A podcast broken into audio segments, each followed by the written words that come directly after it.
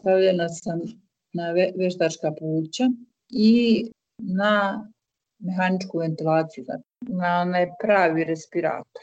Tad sam bila uspavana, to je trajalo 16 dana.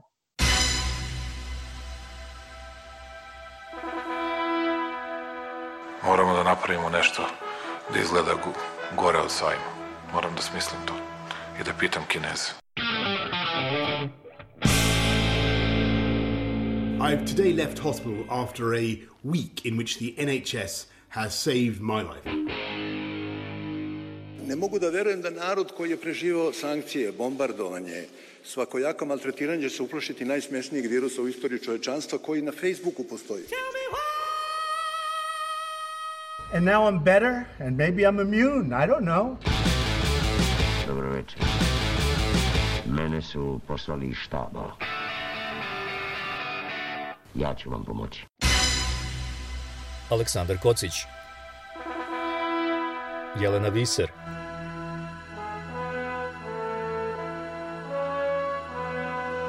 Radio Karantin Hronika istorije u nastajanju Sećam se večeri u kojoj mi mnogo ljudi prilazi i pitaju me kako sam i govore mi bravo, ti si ovde najjača Ja ih onako zbunjeno gledam šta im je spala sam dva sata. E, pa onda mi govore, pominju mi imena e, ljudi koji su zvali telefonom jer se moglo od 12 do 1 dobiti informacija pacijentu. Pa su oni kao meni zapisali ko je taj dan zvao. Svi se mnogo raduju. Mi smo srećni što si ti se probudio. Ne razumem. Ovako je za Radio Karantin pre skoro godinu dana govorila Nevena Damjanović iz Priboja. Nevena je prošlog leta zbog COVID-19 provela 16 dana u komi. Uprkos lošim prognozama lekara, preživala je, ali njen oporavak od onoga što se danas zove dugi COVID i dalje traje. Mesecima odlazi kod lekara, na terapije, u banje i nada se da će njena priča uticati na sugrađane da se vakcinišu i odgovornije ponašaju kada su mere zaštite od covid u pitanju – Ja sam Aleksandar Kocić i na kraju ove druge sezone Radio Karantina pozvao sam Nevenu Damjanović da mi ispriča kako je sada i kako posle svega gleda na pandemiju, na opštu borbu protiv iste i pre svega na svoj život. Pitao sam Nevenu na početku razgovora da nas podsjeti na to kroz šta je prošla.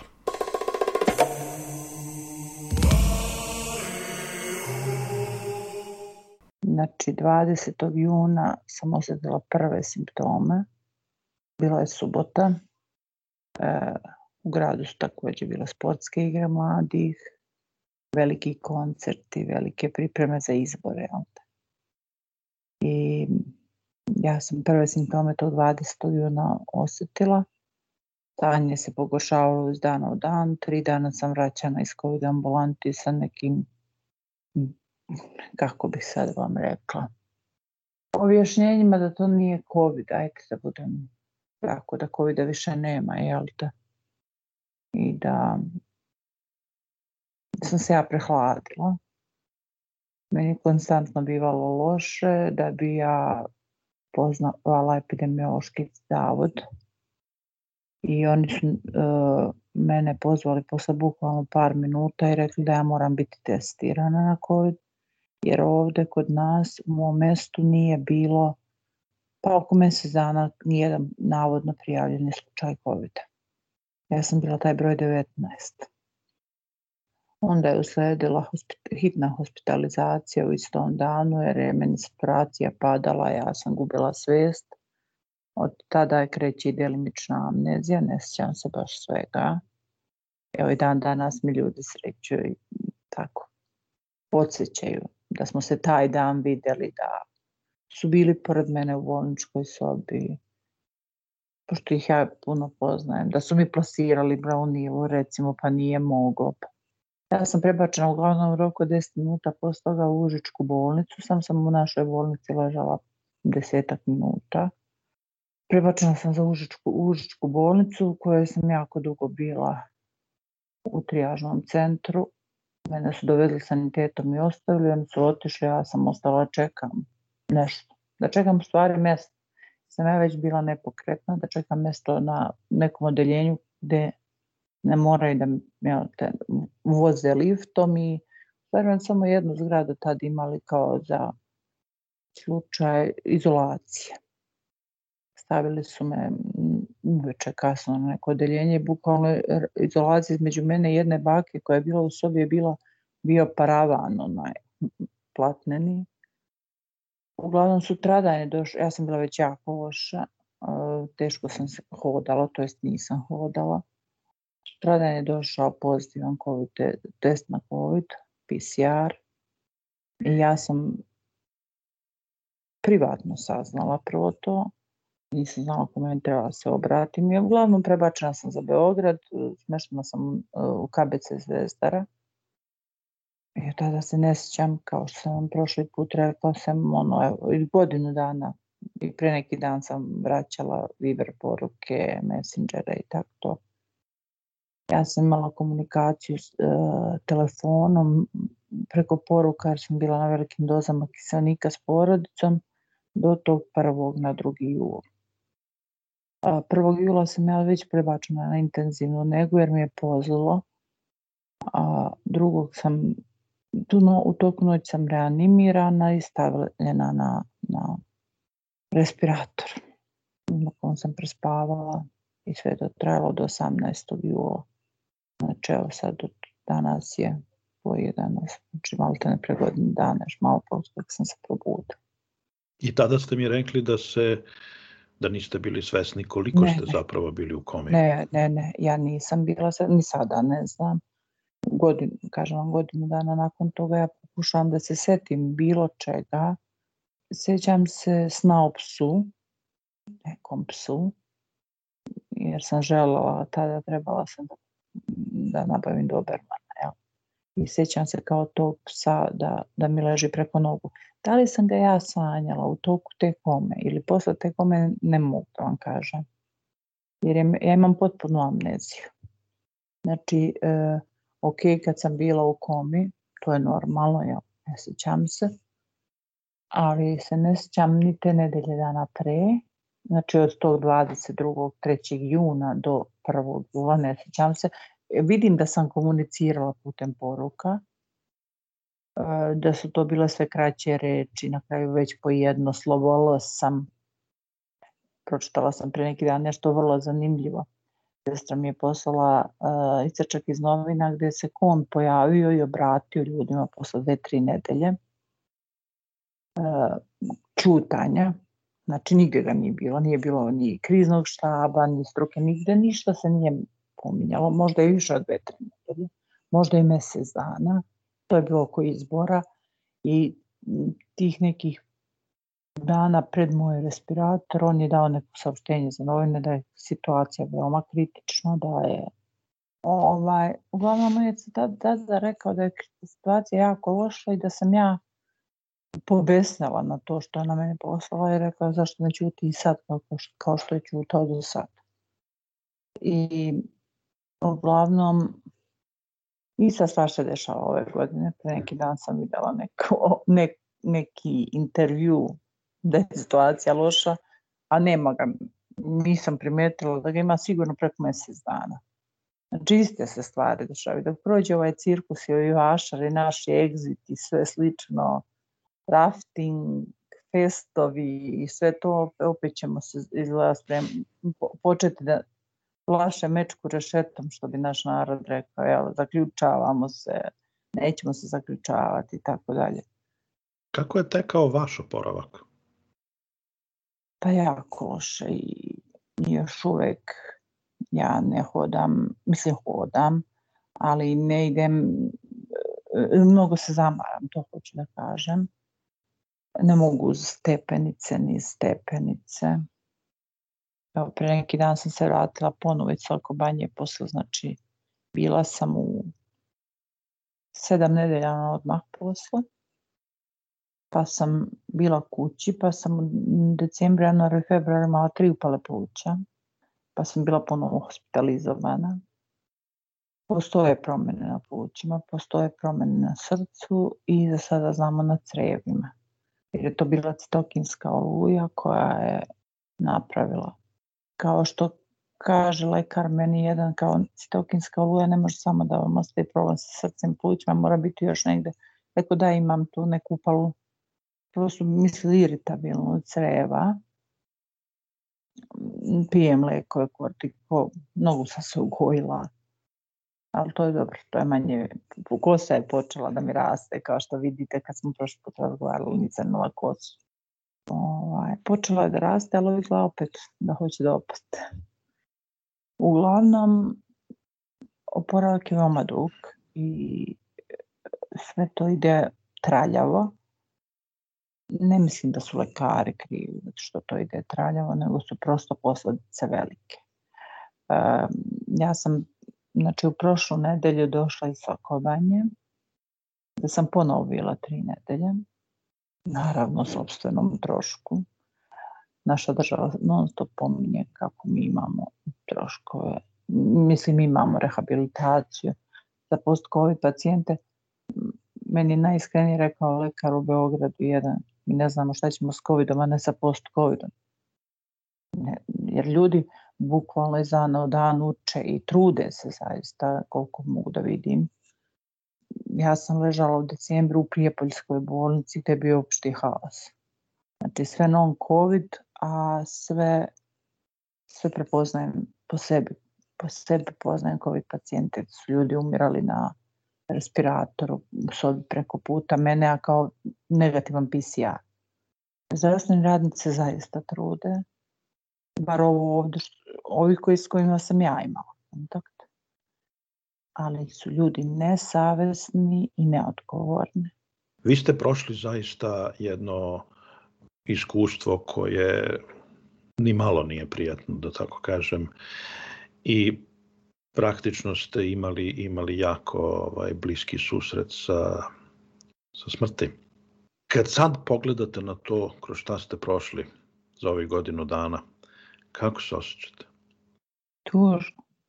Ne srećno što ste tu. Ne. Uh, ne, ne, ne, ne, ne, ja sam srećna što sam živio, to je neosporno. Ali e, sam tužna zato što recimo sinoć ja sam gledala preko društvenih mreža klipove iz mog grada na 150 metara od moje kuće, koncert, svi se isto ponašaju.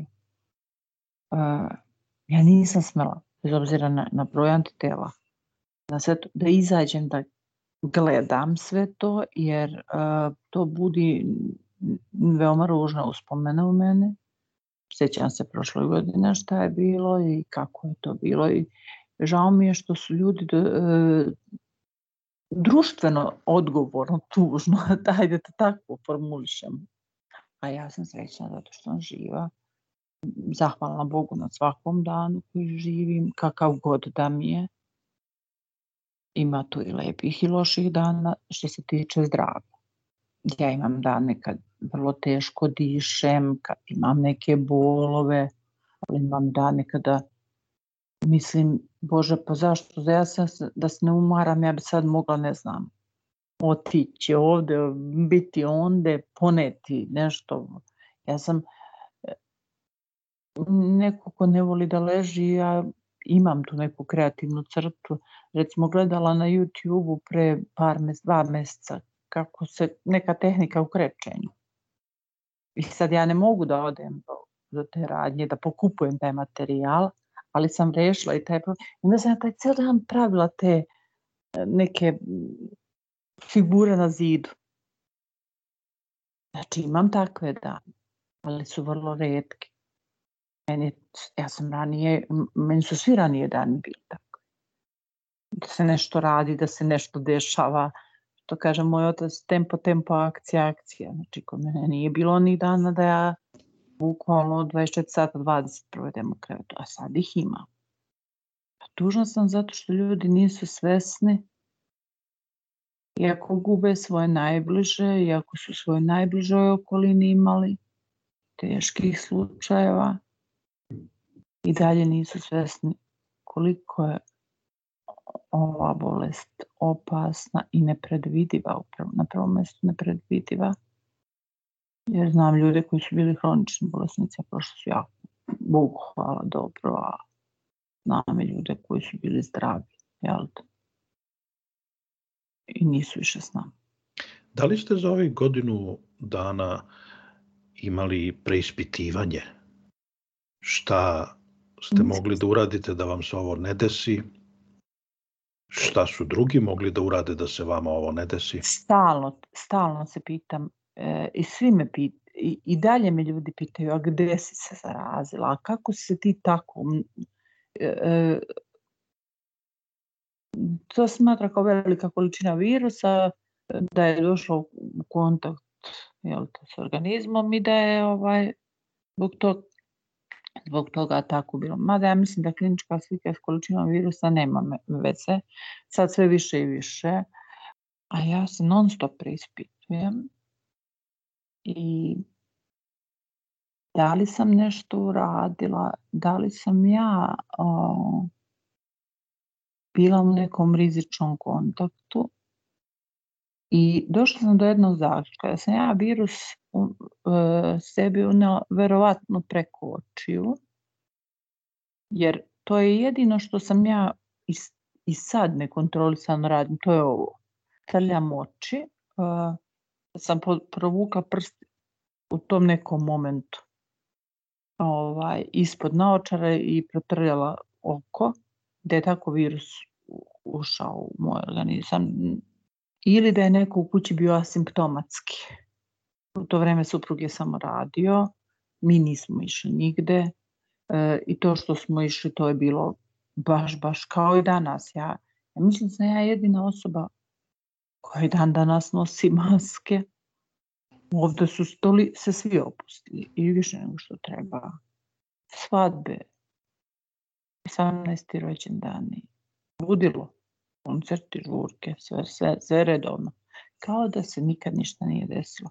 Čak vidim i u prodavnicama da se ulazi bez maski, čak i u apoteke.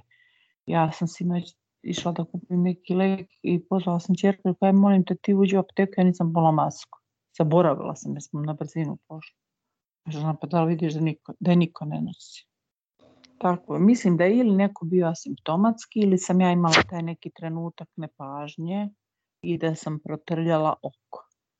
Znači, ruke u usta ne stavljam, u licu ne stavljam i masku i sad kad skidam vodim računa zaista i, i, i gledam da deca vode računa supruge malo ovaj, opušteniji, on je i tad bio opušteniji. Ne Kako je do toga došlo? Zašto mislite da su ljudi opušteni uh, više nego što bi trebalo? da li e, vaša iskustva nisu dovoljno opomena ljudima? Ne, apsolutno.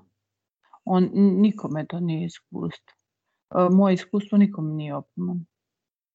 Ja ću vam reći da je do duše mojim najbližima da,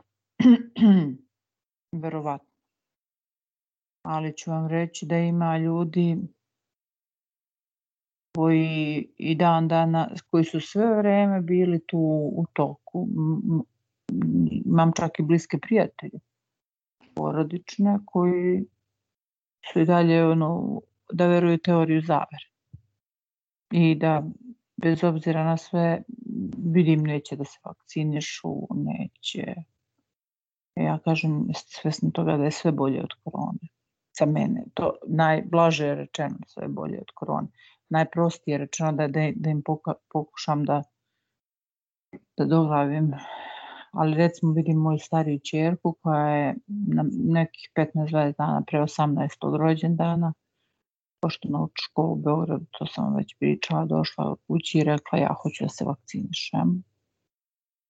Ja sam bez pogovora ustala i e, povela je Otišli smo zajedno na vakcinacijni punkt gde je bila doktorka koja je rekla čija su deca otprilike istog uzrasta, neka moja djeca su vakcinisana, dok mi je jedna medicinska sestra rekla, joj, što si mlada je.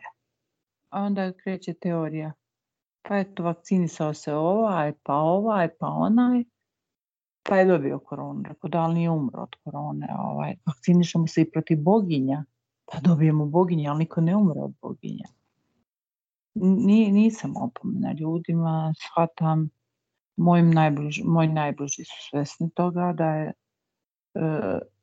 moj brat je recimo promenio mišljenje, on je u startu bio, ma daj bre, to je sve prenaduvano, dok se ja nisam razbolala, e, kad sam se ja razbolala, sve, kod njega se recimo sve promenilo.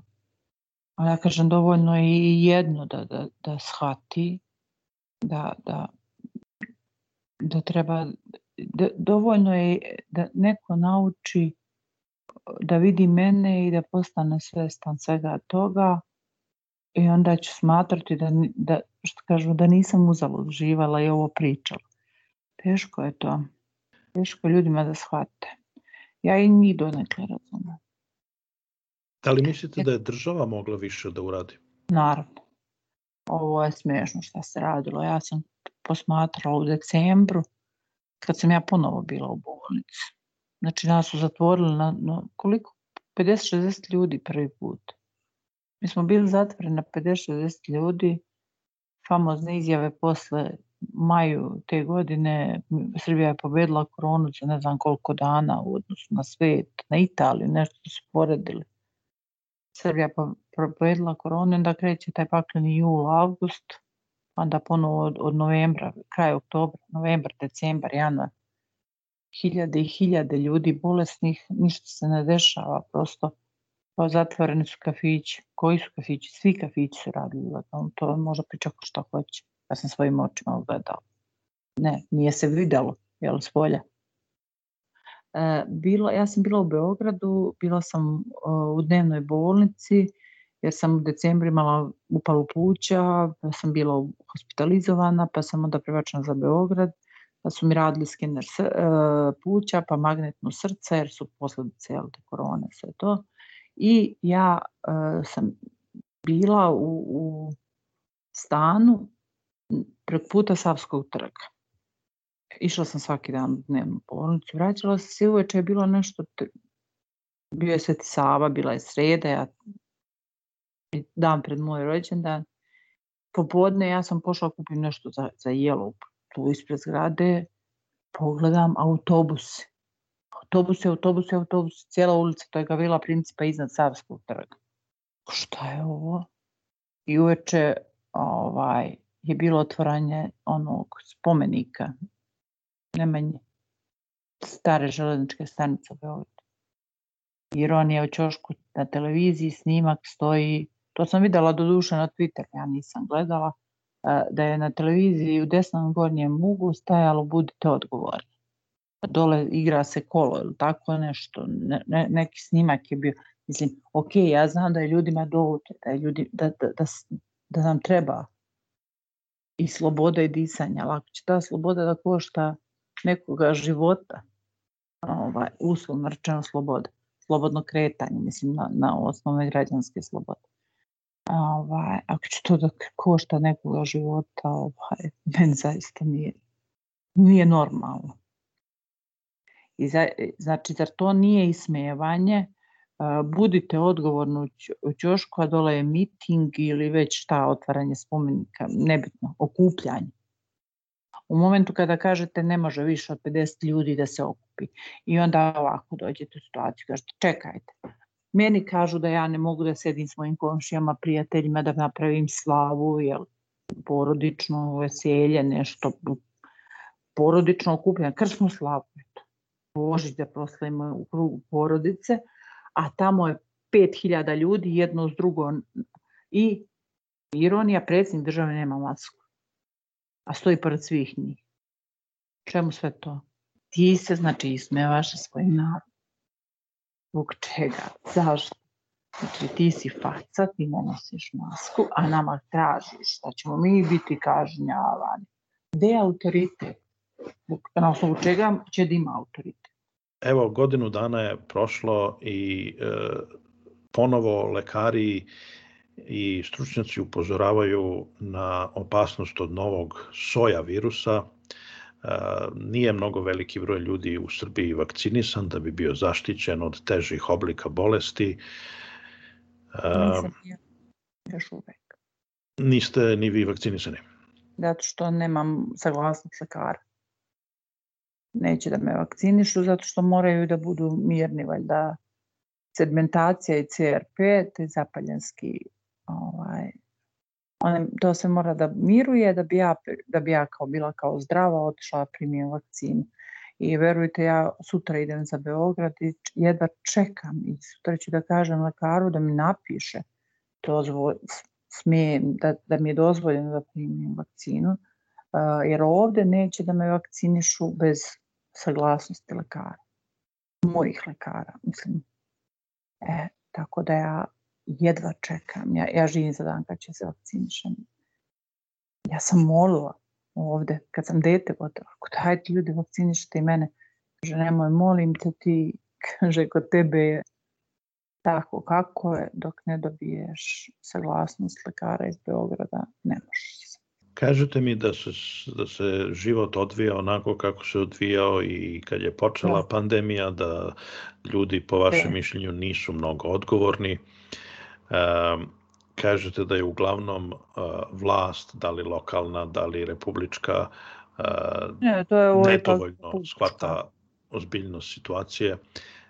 Da li ste razmišljali da se na neki način e, angažujete više, da učestvujete u nekoj kampanji, da se podigne svest o opasnosti od pandemije?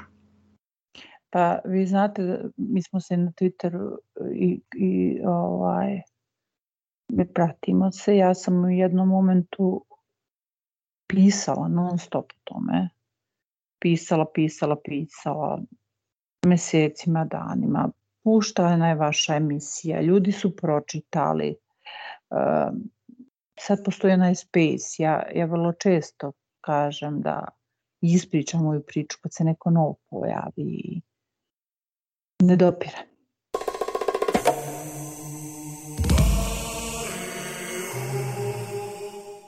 možda pre dva mjeseca sam sedala na terasi stana i u komšiluku je bilo neko veselje i muzika i pesma. I ja onako razmišljam u tom momentu mora da sam bolje čim počinje ovo da mi nedostaje. Vi ste prošli više od dve nedelje u komi na respiratoru i vaš oporavak još uvek traje. Da da li drugačije posle svega što ste prošli i prolazite, da li drugačije gledate na život? Svakako, zahvalnija sam na mnogim, na malim stvarima, život čine male stvari. I to je ona foskula koju su svi ponavljali, život čine male stvari, život čine male stvari. Ali tek posle ovakvih nekih situacija mi postanemo svesni. Mata se i to zaboravlja. Um, E, e, zaboravlja se u smislu, to, upravo ono što vam malo pre rekla, kad sam čuvala muziku i tamo negde u komšiluku, jeli veselje, ja sam rekla, ja bož, to ovo mene počinje da nedostaje, mora da sam bolje. Jer čim ste vi malo bolje popušta, popušta, jednostavno se opušta. Nevena Damjanović iz Priboja u razgovoru za Radio Karantin. Ukoliko vam se dopada ovaj podcast, ostavite nam ocenu ili komentar na platformi na kojoj ste nas našli. Tako ćete pomoći i drugima da saznaju za nas. A naš rad inače u potpunosti zavisi od vaših donacija. Možete nas podržati stalnom, mesečnom ili godišnjom donacijom na platformi Patreon ili jednokratnom uplatom preko Paypala. Linkovi za uplate su na našem sajtu radiokarantin.eu. Radio Karantin sada ide na kraću letnju pauzu i u narednih par nedelja postavljaće samo reprize – Hvala vam što nas slušate. Ostanite uz nas. Mi smo tu da i vama i sebi pomognemo da lakše shvatimo ovu istoriju koja nam se događa. Aleksandar Kocić Jelena Viser